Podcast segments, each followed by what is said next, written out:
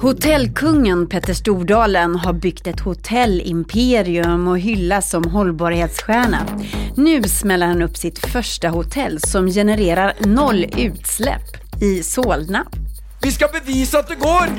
Og hvis vi kan, så kan alle de andre. Og ingen kan gjøre alt, men alle kan gjøre noe. Og det noe, det forandrer verden.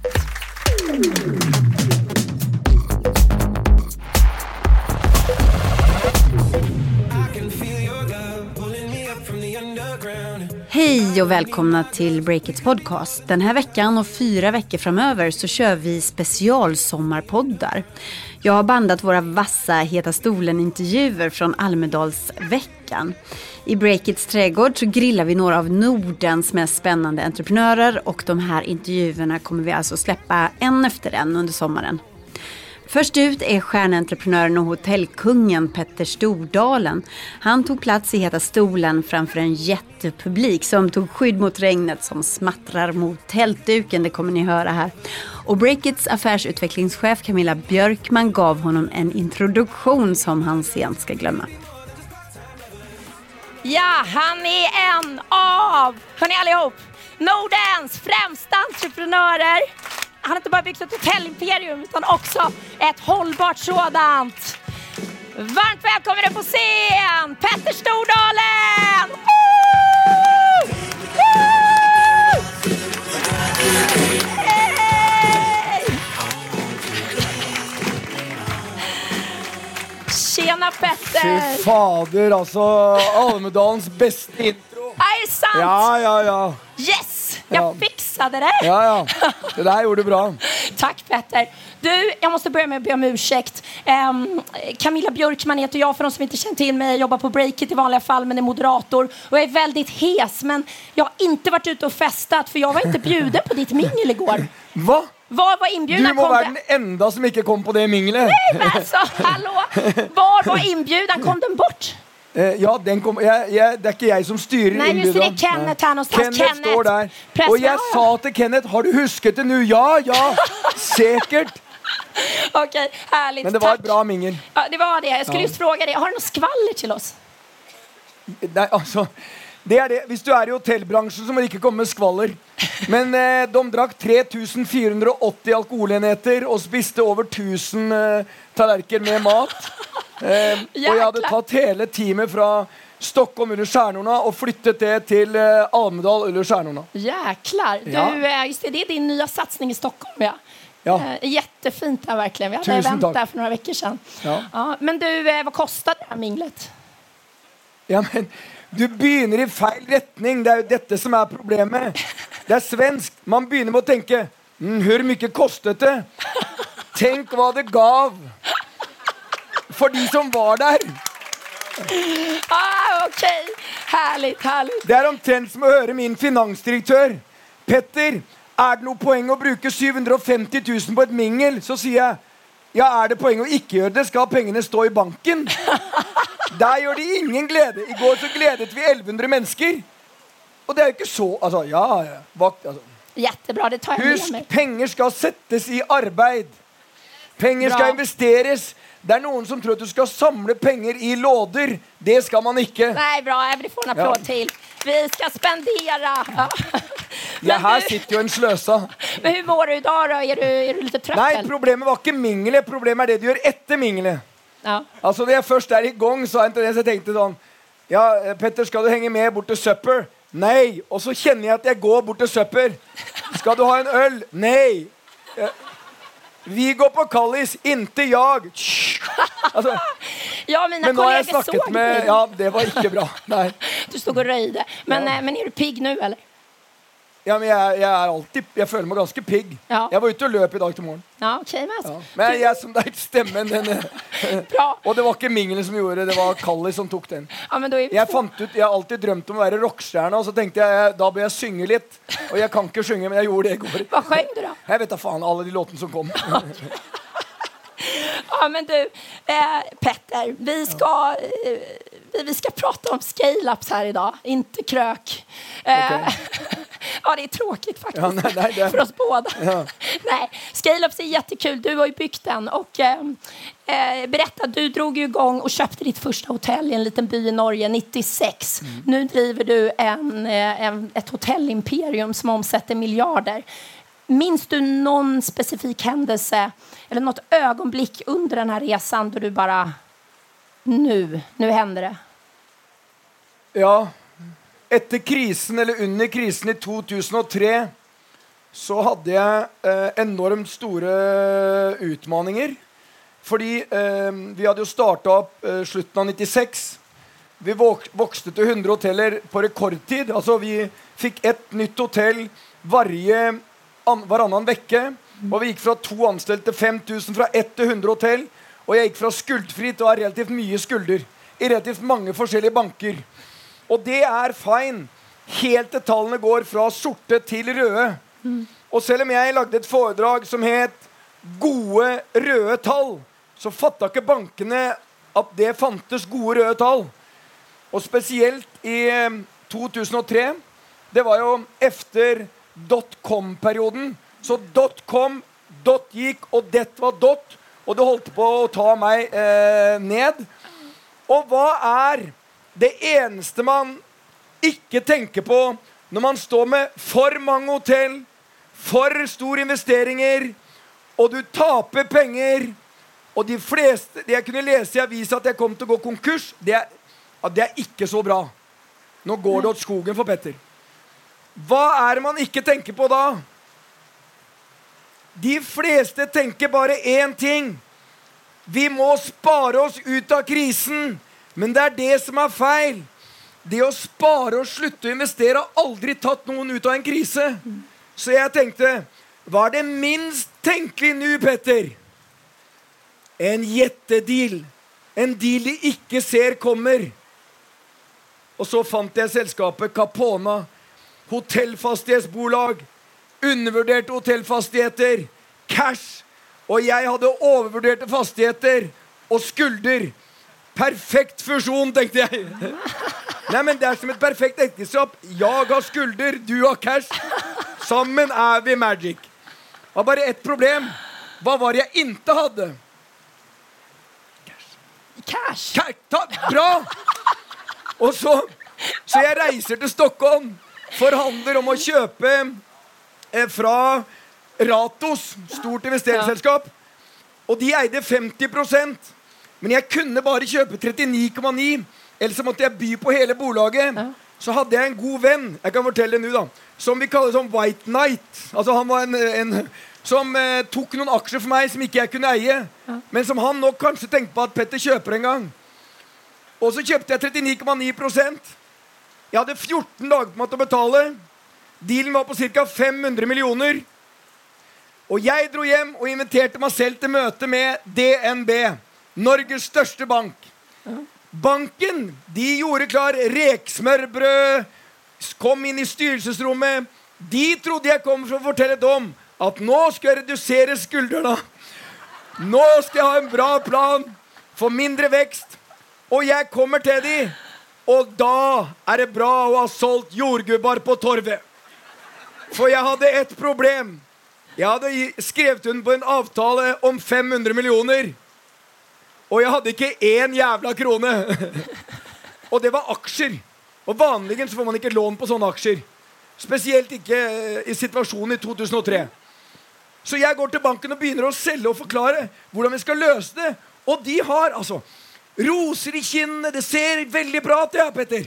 Så sier jeg Og løsningen er vi kjøper 39,9 av Capona, fusjonerer det med mitt fastighetsbolag, får sedan å lage ett stort Og de satt der. Ja, ja, ja. Veldig bra. Så spør han ned banksjefen. Men du sa kjøpe 39,9? Ja. Ja, men hvordan tenker du å gjøre det? Nei, det har jeg redan gjort. Jeg har signert det.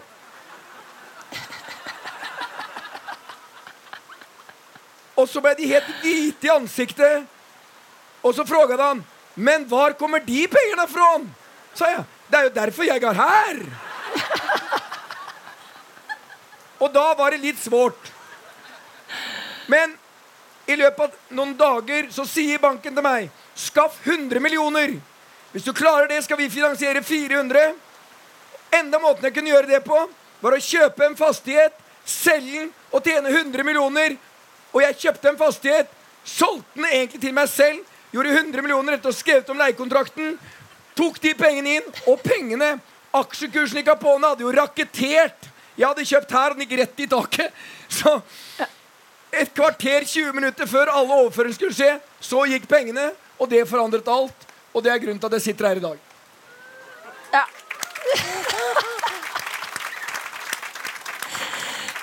Nå kan vi gå hem, Petter. Du har jo liksom nu, nu vet vi her hvor man ska Nei, Det känns som att du alltid har oerhört mycket energi, du har lösningar på problem. Har du aldrig några riktiga så downs? Jeg er veldig sjelden høyt oppe, Ja. og jeg er veldig sjelden langt nede. Jeg er liksom her oppe og sånn. Jeg har det lagom bra hele tiden. Just det. Og jeg tenker ikke veldig mye på Jeg har veldig lite bekymringer. Eh, Jeg har ikke noe stress. For jeg er så trygg på at vi har så mye bra mennesker, at de løser alle de utfordringene som måtte komme. Jeg bekymrer meg ingenting over det som skal skje fremover. Og jeg vet at selv Gud kan ikke forandre på det som redan har skjedd. Og det å gjøre feil, det gjør vi hele tiden. Og jeg har gjort mange av de største feilene. Så nei, jeg har ikke, altså, det er liksom ingen mening i å bekymre seg. Nei. Hva er ditt største mistak da, som du har gjort, som, som du har lært deg av såklart? Største mistak? Ja. Jeg gikk inn i Danmark, Første gang jeg gikk inn i Danmark, da gikk jeg inn og skulle gjøre, ja, Det hadde gått bra i Norge, bra i Sverige, og så skal jeg inn i Danmark. Og jeg tenker nå skal jeg gjøre et felttog i Danmark. Jeg skal gjøre det på kort tid. Gikk inn, kjøpte masse hotell. Jeg hadde lest en analyse at det, det fattes hotell i Danmark. Problemet var bare at jeg var den siste dumme sauen som hadde lest den rapporten. Og jeg løp som en sau for å tenke om jeg var den siste mann over stupet og dette ned. Og jeg datt ned i et avgrunn og tapte én milliard i cash. Nei. Sedan så måtte jeg selge hele min danske virksomhet fordi den sto for 3% av virksomheten, men tok 93 av oppmerksomheten. Og jeg må, jeg må bare bli kvitt det. Jeg må få Danmark bort fra hodet til alle i ledelsen. Så jeg sier jeg solgte Danmark. Jeg skrev ned alt til null, eller til én krone. Solgte det til Asmund Håre i First Hotels, en konkurrent til meg. Og så måtte jeg gi han 200 millioner for at han skulle kjøpe det for en krone. Altså, Det er ikke mulig å gjøre en dårligere deal. Altså, da, Av alle andre dealer, alle feil du kan gjøre i hotellbolaget Nordic Choice, blir aldri så dårlig som de feilene jeg har gjort. Jeg er på toppen. Jeg har gull og sølv i å gjøre feil. Men Hva lærte du deg av det der, foruten at ikke inte gå inn i Danmark? Det eneste jeg lærte av det var når jeg dro hjem fra Danmark, så tenkte jeg De tror jeg er ferdig her nå. Men det en som er i hodet mitt, er Jeg skal tilbaks med noen nye, svære jævla hotell. Og det enda jeg så på når jeg tok av fra Kastrup, var Hilton hotell. Ingen tror det er mulig. En dag skal det, det skiltet ned. Og jeg opplevde den dagen. Skiltet gikk ned, og klærne gikk opp. Det er fantastiskt. Ehm, men okej, scale-ups då. Eh, Du har ju gjort en tillväxtresa utan dess lika. Är det någon fas, berätta om de olika faserna. Är det någon som har varit roligast att jobba i? Från det lilla bolaget till det allra största. Vad tycker du är mest ja, kul? ja. Skal jeg si den absolutt roligste dagen? Altså det tidspunktet i historien hvor jeg har følt Nå er tiden kommet. Akkurat nå er jeg on top of my game. Akkurat nå vet jeg at jeg kan være med og virkelig gjøre ting som jeg tykker om. Vet du når den dagen var? Nei. I går. Ja. Hva da? Hvorfor, Varför kom det? då? Fordi nå har vi muligheten, økonomien, menneskene, visjonene om at vi skal kunne være et selskap som gjør mer enn bare tjene penger. Vi skal være med og sette på dagsorden de tingene vi mener er viktig, utover det å tjene penger. Og selv om vi har prata om people, planet og profit i ti år, så kjente jeg bare når jeg sto og tale i går Dette er vårt tiår. Og vi har mennesker som brenner for det. De brenner ikke bare for lønn en gang i måneden. De brenner for selskapet, ideene, verdiene våre, alt sammen. Og så kjente jeg det bare. Dette tiåret, Petter Dette tiåret blir Nordic Choice i tiår. Og så våkner jeg i dag til norske aviser som ikke hadde helt fattet det jeg sa. For de skrev at jeg hadde eh, tatt for meg alle menn over 55 år, og jeg likte ikke dem. Hvite menn over 55. Stordalen hater hvite menn over 55. Så det var perfekt i går. Og så våkner opp altså til én million nettroll. Altså Det er en av mine altså Jeg må kalle han en venn. Han heter Arthur Buchardt. Han hadde en uttalelse i dag på den overskriften som ikke er korrekt. Som er bare en katastrofe. Jeg tenkte sånn Hva gjør du da? Og hva gjør man da? Ingenting! Jeg vet at jeg gjør psykiatrien i Norge en stor tjeneste. Når jeg snakker om pride, så får alle de homofobe helt fnatt. De setter seg ned og hamrer løs og sier at boikott Stordalen. Og så noen av de når jeg prater om mangfold, Så har Stordalen blitt muslim. Han har også nektet noen å spise bacon. Han er muslim. Og så kommer det. Og sånn fortsetter det. Nå er det hvite menn. Altså, Det som ikke du tenker på når, de, når disse mennene har fått ut aggresjonen sin, for det er mye menn, fått ut aggresjonen, og de har fått ut hatet sitt, så kommer de tilbake til sin familie, og da er hatet kanskje borte. Kanskje er de snille mot sin fru. Kanskje er de snille mot sine barn. Fordi de fikk kasta ut alt på meg. Så jeg ønsker de bare kjør på. Bra. Det tar vi med oss. Det var du, Nei, men, men det, er en, det en ting som er alvorlig her. ja. Det som ikke koster noe, er ofte ikke verdt noe. Det er de gangene du må stå i det, hvor du vet det koster, at du også vet Derfor, nettopp derfor er det viktig. Og de fleste, de forsøker bare å smite unna. De legger liksom ribban så lågt når de snakker om miljø og mangfold. Og de skriver fantastiske ting i årsredovisningen. Men når det kommer til the proof of the pudding, og det blir litt hett på kjøket, da smiter de unna og Overlater det til kommunikasjonsfolk sine å rydde opp i skiten. Men inte vi. Men berätta, för alla kanske inte känner till vad ni gör. Hur, eh, hur jobbar Nordic Choice och du med just hållbarhet? Och, eller ja, ni känner till vad ni, att ni sysslar med hotell. Ja. jo, Alltså, no. för att alla vet vem du är, det är lugnt. Men att ni eh, jobbar med hållbarhet och de viktiga frågorna som du brinner för. Berätta. Nej, men Helt fra vi började, Jeg husker helt fra den tidiga begynnelsen så hadde jeg sett eh, på flybolagene at var, jeg, jeg, satt, jeg opplevde jo at jeg satt på rad 17, og så satt jeg var på røkfri, og på rad 18 så satt det det toget og røyka. Jeg satt jo der. Og så, men det var bare flyene som hadde innført forbud. Tenkte jeg. Kanskje vi skal bli røkfritt på hotellene? Og så begynte at jeg hadde vært i California. Der var det redan diskusjon om at det skulle være forbudt å ha det røkfritt ute på Pier 39. Og så bare, og det er det jeg elsker med bolaget, så sier bare min VD Torgeir Silseth ja, Men hvorfor gjør vi det ikke røkfritt? Vi gjorde ikke bare røkfritt på rommene. Vi gjorde alle hotellene røkfritt. Omtrent akkurat på samme tid så hadde bransjen en kjempediskusjon. Man kommer til å gå i konkurs. Restauranter, det kommer til å bli katastrofe. Og vi sa ikke bare gjør vi det, restaurantene våre skal være røkfri. Og vi begynte med Norges første røkfri restaurant. Og vi bare fortsatte. Så kom Lagen, og så forandret det seg. Nå var det en kjempediskusjon, for nå er det blitt ulovlig å røke på visse utegreier i Sverige for noen dager siden. Og hvordan skal det gå da? Akkurat like bra som det gikk sist. Det går helt fint. Det er ikke sånn at røkerne bestemmer seg for Nei, nå kan jeg ikke røke ute der sånn. Nå sitter jeg heller hjemme. Går ikke ut. Det er en stille protest. Ja vel, sitt der, da. Men du mener at det er samme sak med holdbarhet? Med alt. Plastikk. Ja. Altså, Hvis jeg hopper over alt andre ordet Ta plastikk. Tre år siden så var nesten ikke plastikk på agendaen.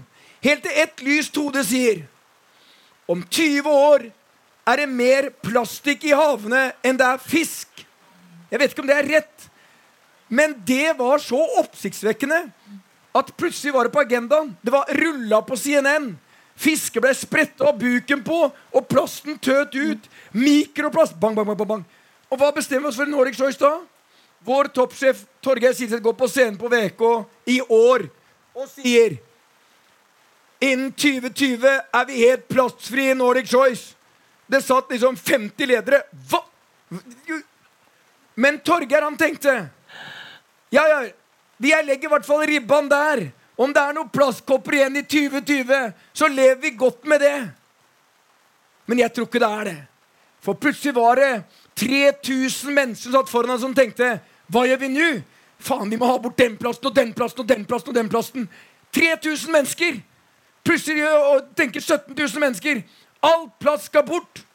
Og vi sier til leverandørene våre Skal dere levere til oss? Ikke lever plast! Tror de begynner å tenke? Vi er en av de største innkjøperne. Du bruker makten du har, til å forandre verden. Og det har vi gjort på område etter område. Palmeolje. Vi sa palmeoljefritt. Lite annet vil jeg. jeg bare Det var Gunhild som har fortalt meg at det er jævlig viktig. Ja, men det er ikke lett å være forelsket og fornuftig samtidig. Og jeg tenkte, jeg kjører på. Men det er jo faen meg palmeolje i alt. Altså, det er palmeolje i alt. Men leverandørene våre sa jo, men vi, vi, vi, kan jobbe med det her. Og sånn tok vi bare område etter område etter område. Noen sa til oss ja, men det er ikke mulig å lage et nullutslippshotell. Jeg vet det er mulig. Vet dere hvorfor? Jeg bygger et nå. I Solna. 300 rom, 100 Longstad-leiligheter og det nye hovedkontoret til Nordic Choice, House of Choice, på Solna. Nullutslipp! Vi skal bevise at det går. Og hvis vi kan, så kan alle de andre. Og ingen kan gjøre alt, men alle kan gjøre noe. Og det noe, det forandrer verden. For den verden som må forandres, den kommer aldri til å forandres av politikere alene. Vi må ha med industrien, vi må ha med bedriftene, vi må ha med kapitalistene. Men hva har du fått eh, Ja, bra. Du eh, Hva har du fått ofra, da? Eller hva har ni på Nordic Choice fått ofra for å ha et holdbart hotell og for å eh, til eksempel jobbe for null utslipp? Eller tvärtom? Ja, men, men, men, men, men, men, men, men frågan din er fel. Ja, frågan er fel. Vad är, ja, Va, kanske var det det jag ville ha tyst, av Tyst. Hva? Nettopp! Men det er jo det. Det er ikke noe offer. Vi har bygd et selskap på at vi tror at fremtidens ansatte Og jeg skal ha 15 000 nye ansatte de neste tre årene. Hva er det de tenker? Jo, de vil komme til selskap hvor det handler om mer enn bare lønn. De vil ha et syfte. De vil ha et verditenk. De vil ha en mening. Hvem gidder å jobbe i et selskap som har senger av oh, faen, regnskogtømmer? Jeg leite desperat etter en sammenligning. Ingen! Men kommer til et selskap som aktivt engasjerer deg, som du er stolt av å jobbe i. Så det er ikke sånn at når vi snakker om at vi må ha inn flere kvinner, vi må ha mangfold, så tror dere jeg som kapitalist gjør det fordi jeg er så jævla snill? Jeg gjør det fordi jeg tror jeg kan tjene på det. For jeg vet jo at i et moderne selskap så er det dokumentert bl.a. en stor rapport fra Tom Hansen i USA at selskap med et bredt mangfold de vokser raskere på topplinjen og tjener mer penger. Så da må jeg gjøre det. Hvis ikke så er jeg dum i hodet. Skal jeg begynne å si at nei, hos oss så måtte du ha bestått svensk språktest for arbeidet. Ja, men jeg skal lage mat! Hvorfor må jeg kunne flytende svensk? Det er ikke spør meg, det er noen som sier det. Ja, men Jeg kan bare spansk. Ja vel, du kan lage brød for det. Ja, ja, jeg er spansk baker. Ok, lag brød. Det er ingen som spør av gjestene mine er det laget av en som har bestått den svenske språktesten. Altså Vi tar imot vi setter 1000 praktikanter i året i, i Norge, omtrent det samme i Sverige. 36% av de får fast anstelling. Så var det noen som sa til oss Ja, men Petter, 36 sa jeg. Ja. Hva med alle de andre? Sa jeg. Eh, excuse me, liksom sånn. Eh, jeg sa eh, vi er en av de få som gjør det. Ikke fokuser på de andre, fokuser på de 36% som faktisk fikk jobb. Neste år tar vi 1000 nye. Så tar vi 1000 nye. Og man glemmer makten i hvis alle løfter. Dette er som tidevannet. Det løfter alle båter. Og hvis alle store bolag større enn oss hadde gjort det samme, vet du hva som hadde skjedd i Sverige da? Alle hadde vært i jobb! Do the math! Herlig, Petter. Du forstår vel at det her det var svaret jag var ute efter. Ja, ja, ja. Men, der, men jeg kan ikke bare være altså, Det var derfor det ble et poeng. Nej, exakt. Eh, du, eh, vad skulle du vilja säga? Vi har många företagsledare och VDs eh, här idag och styrelseledamöter, in, investerare. Vad kan de göra för att bidra? For det første, jeg møter jo mange startups. Og jeg har ytet noe som heter Strawberry-millionen. Og, og det interessante er at de vi har enormt behov av flere entreprenører, innovatører og startups i både Norge, Sverige, Finland og Danmark. Vi har behov for å hylle alle de som våger å satse. Hvis noen feiler, vet du hva vi har tendens til å si? Det var det jeg visste. Det der kunne aldri gå bra. Jeg sa de satset for tidlig. Jeg sa dem de var for ekspansive. Alle de som går i konkurs. Vi skal hylle de, at de våget å satse. For uten at noen ikke klarer, så får vi ikke fram de som klarer. Hvor mange selskap står ikke bak som feilet før Spotify lyktes? Hvor mange selskap står ikke bak hver eneste som blir et selskap som omsetter for 100 millioner? Da må vi ikke stigmatisere de som har gått i konkurs. For de trodde på en drøm. De ville satse. Ikke døm de på at de feilet. Jeg har vært med og feila i så mange selskap. Tror du jeg gir opp for det? For noen lykkes vi med. Prøv igjen, sier jeg. Du lykkes neste gang. Og det er litt det der jeg er ute etter, og det er litt det jeg adresserte i talen min i går. Mange tenderer til å se tilbake og etteranalysere.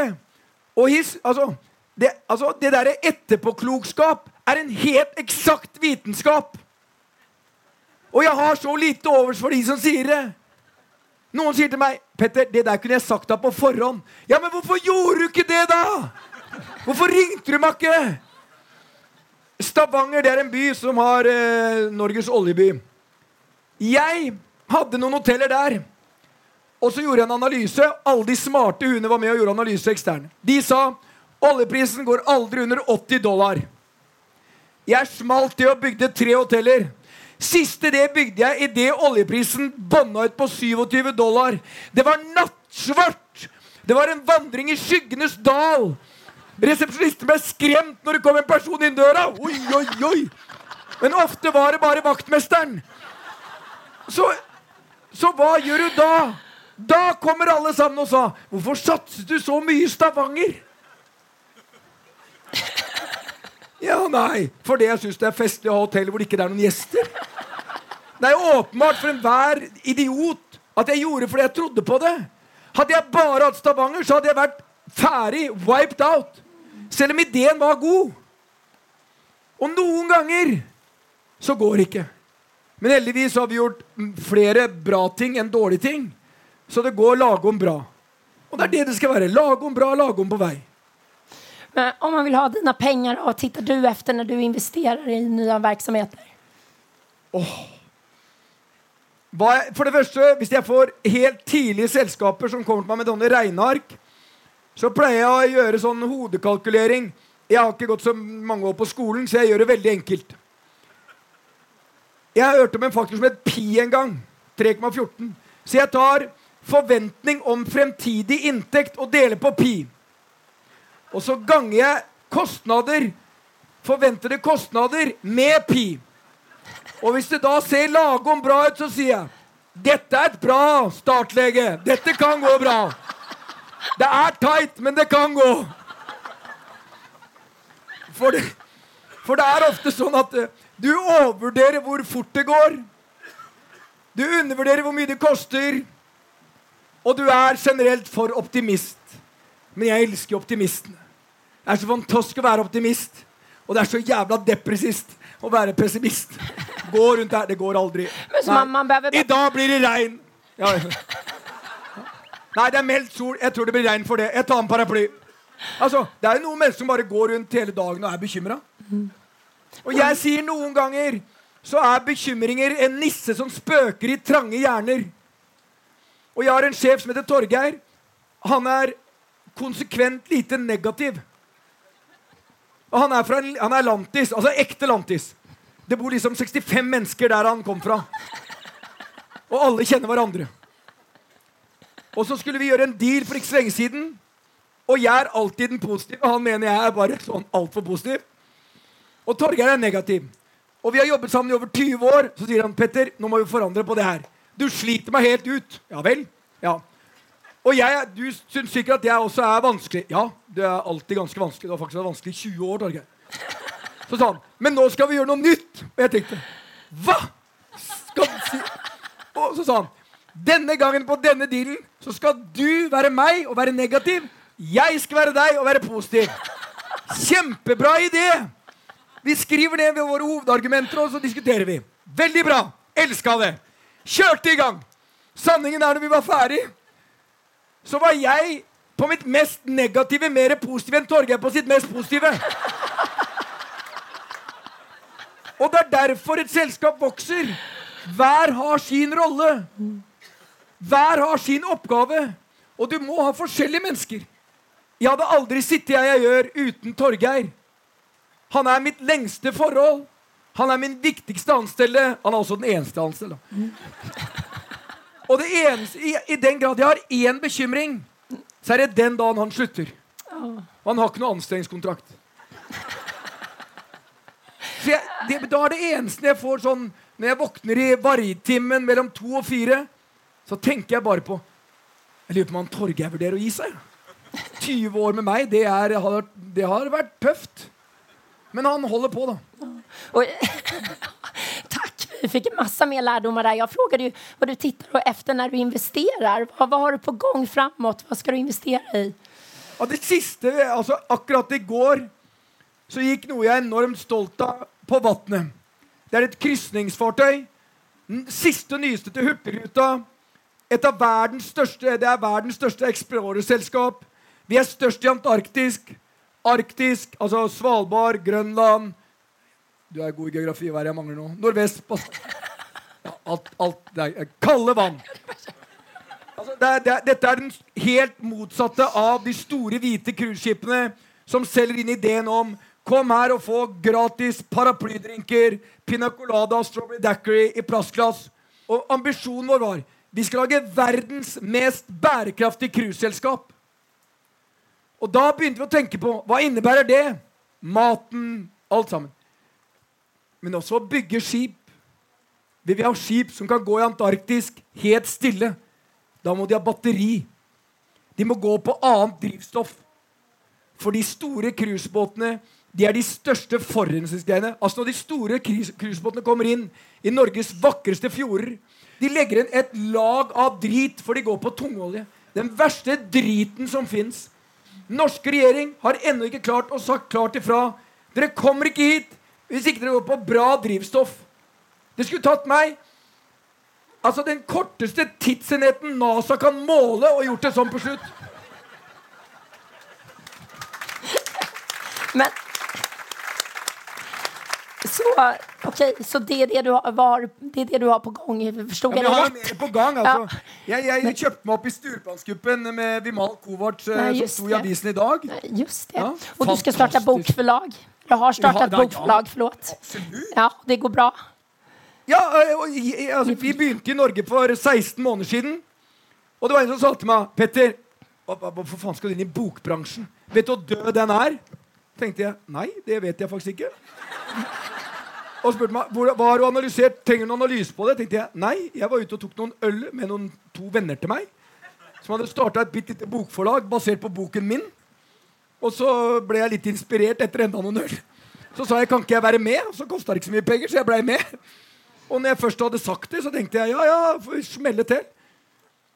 Og jeg tenkte der de tar feil. Bøkenes tid er ikke forbi. For hva er bøker? Det er historier. Det er storytelling. Og jeg hadde akkurat sett Disney skille ut et eget selskap for å lage sitt eget content. Hva en Disney, Netflix, alle sammen lever av? Historiene, berettelsene. De er viktigere enn noen gang. Men konkurrenten andres. Og nå kanskje laster vi de ned og får det på lydbok eller Storytel eller alle hva de heter. Og jeg visste bare at hvis vi tenker å organisere oss på en annen måte, kanskje vi kan få til noe. Og så blei det mye halabaloi i norsk presse.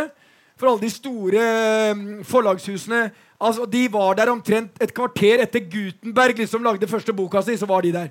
De har liksom vært der i 500 år. Altså, De er kjent for alt. De husker fortsatt at de ga ut Salmans røstis sataniske vers. Og lite har skjedd siden de ga ut den boka. Men i hvert fall. Så vi var altså ett av 100 norske forlag 70-100 forlag, for 16 måneder siden. Og i år så er vi nummer fem. Kanskje fire. Til neste år er vi definitivt nummer fire. Og jeg sa i pressen jeg vet vi taper penger i tre til fem år. Vet du hva problemet er i dag? Jeg, ikke si det, da, for jeg skal ha det som en overraskelse, men jeg vet jeg tjener penger redan i Norge i år. Noen ganger så må du gjøre noe bare fordi du har lyst til å gjøre det. Jeg kan jo knapt tegnsetting og kommaregler. Men jeg kan være med å bygge bolag.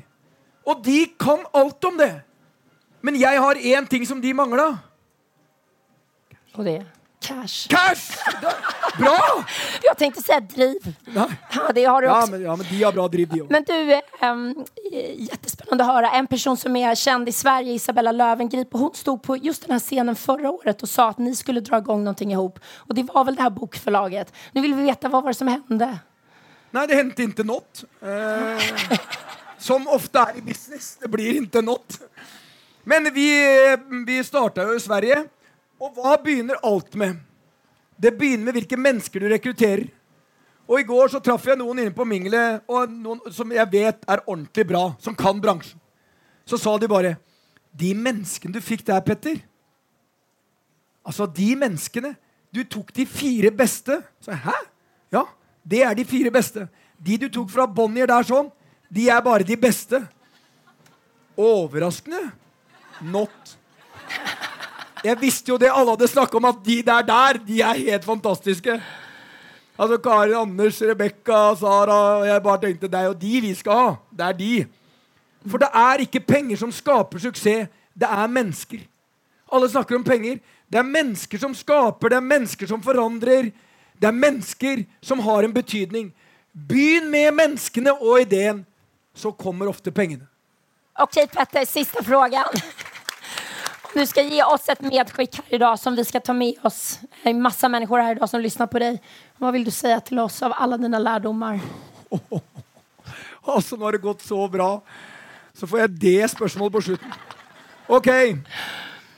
Eh, da skal jeg ta et eh, Jeg skal gjøre et selvkomponert dikt som en avslutning. Det handler om den eh, boken som jeg kom med nå, som er min andre bok.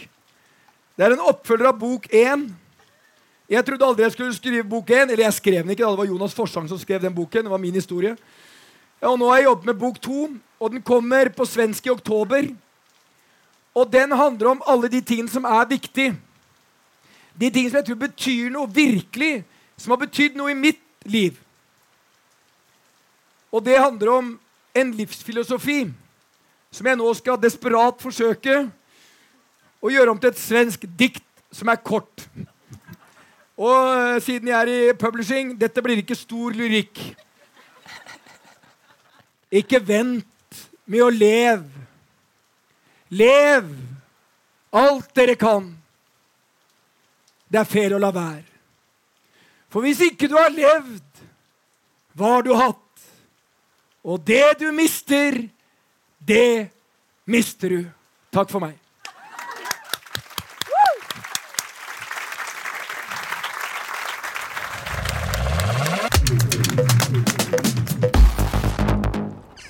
Petter Stordalen från Breakits tält i Almedalen förra veckan. Camilla Björkman intervjuade och det här eventet gjorde vi i ett samarbete med Nordic Innovation. Och nästa fredag släpper vi en ny sommarpodd, en exklusiv intervju med Spotifys Nordenchef Jenny Hermansson. Ansvarig utgivare för den här podden är Olle Aronsson, Fredrik Nilsson är tekniker och själv så heter jag Katarina Andersson.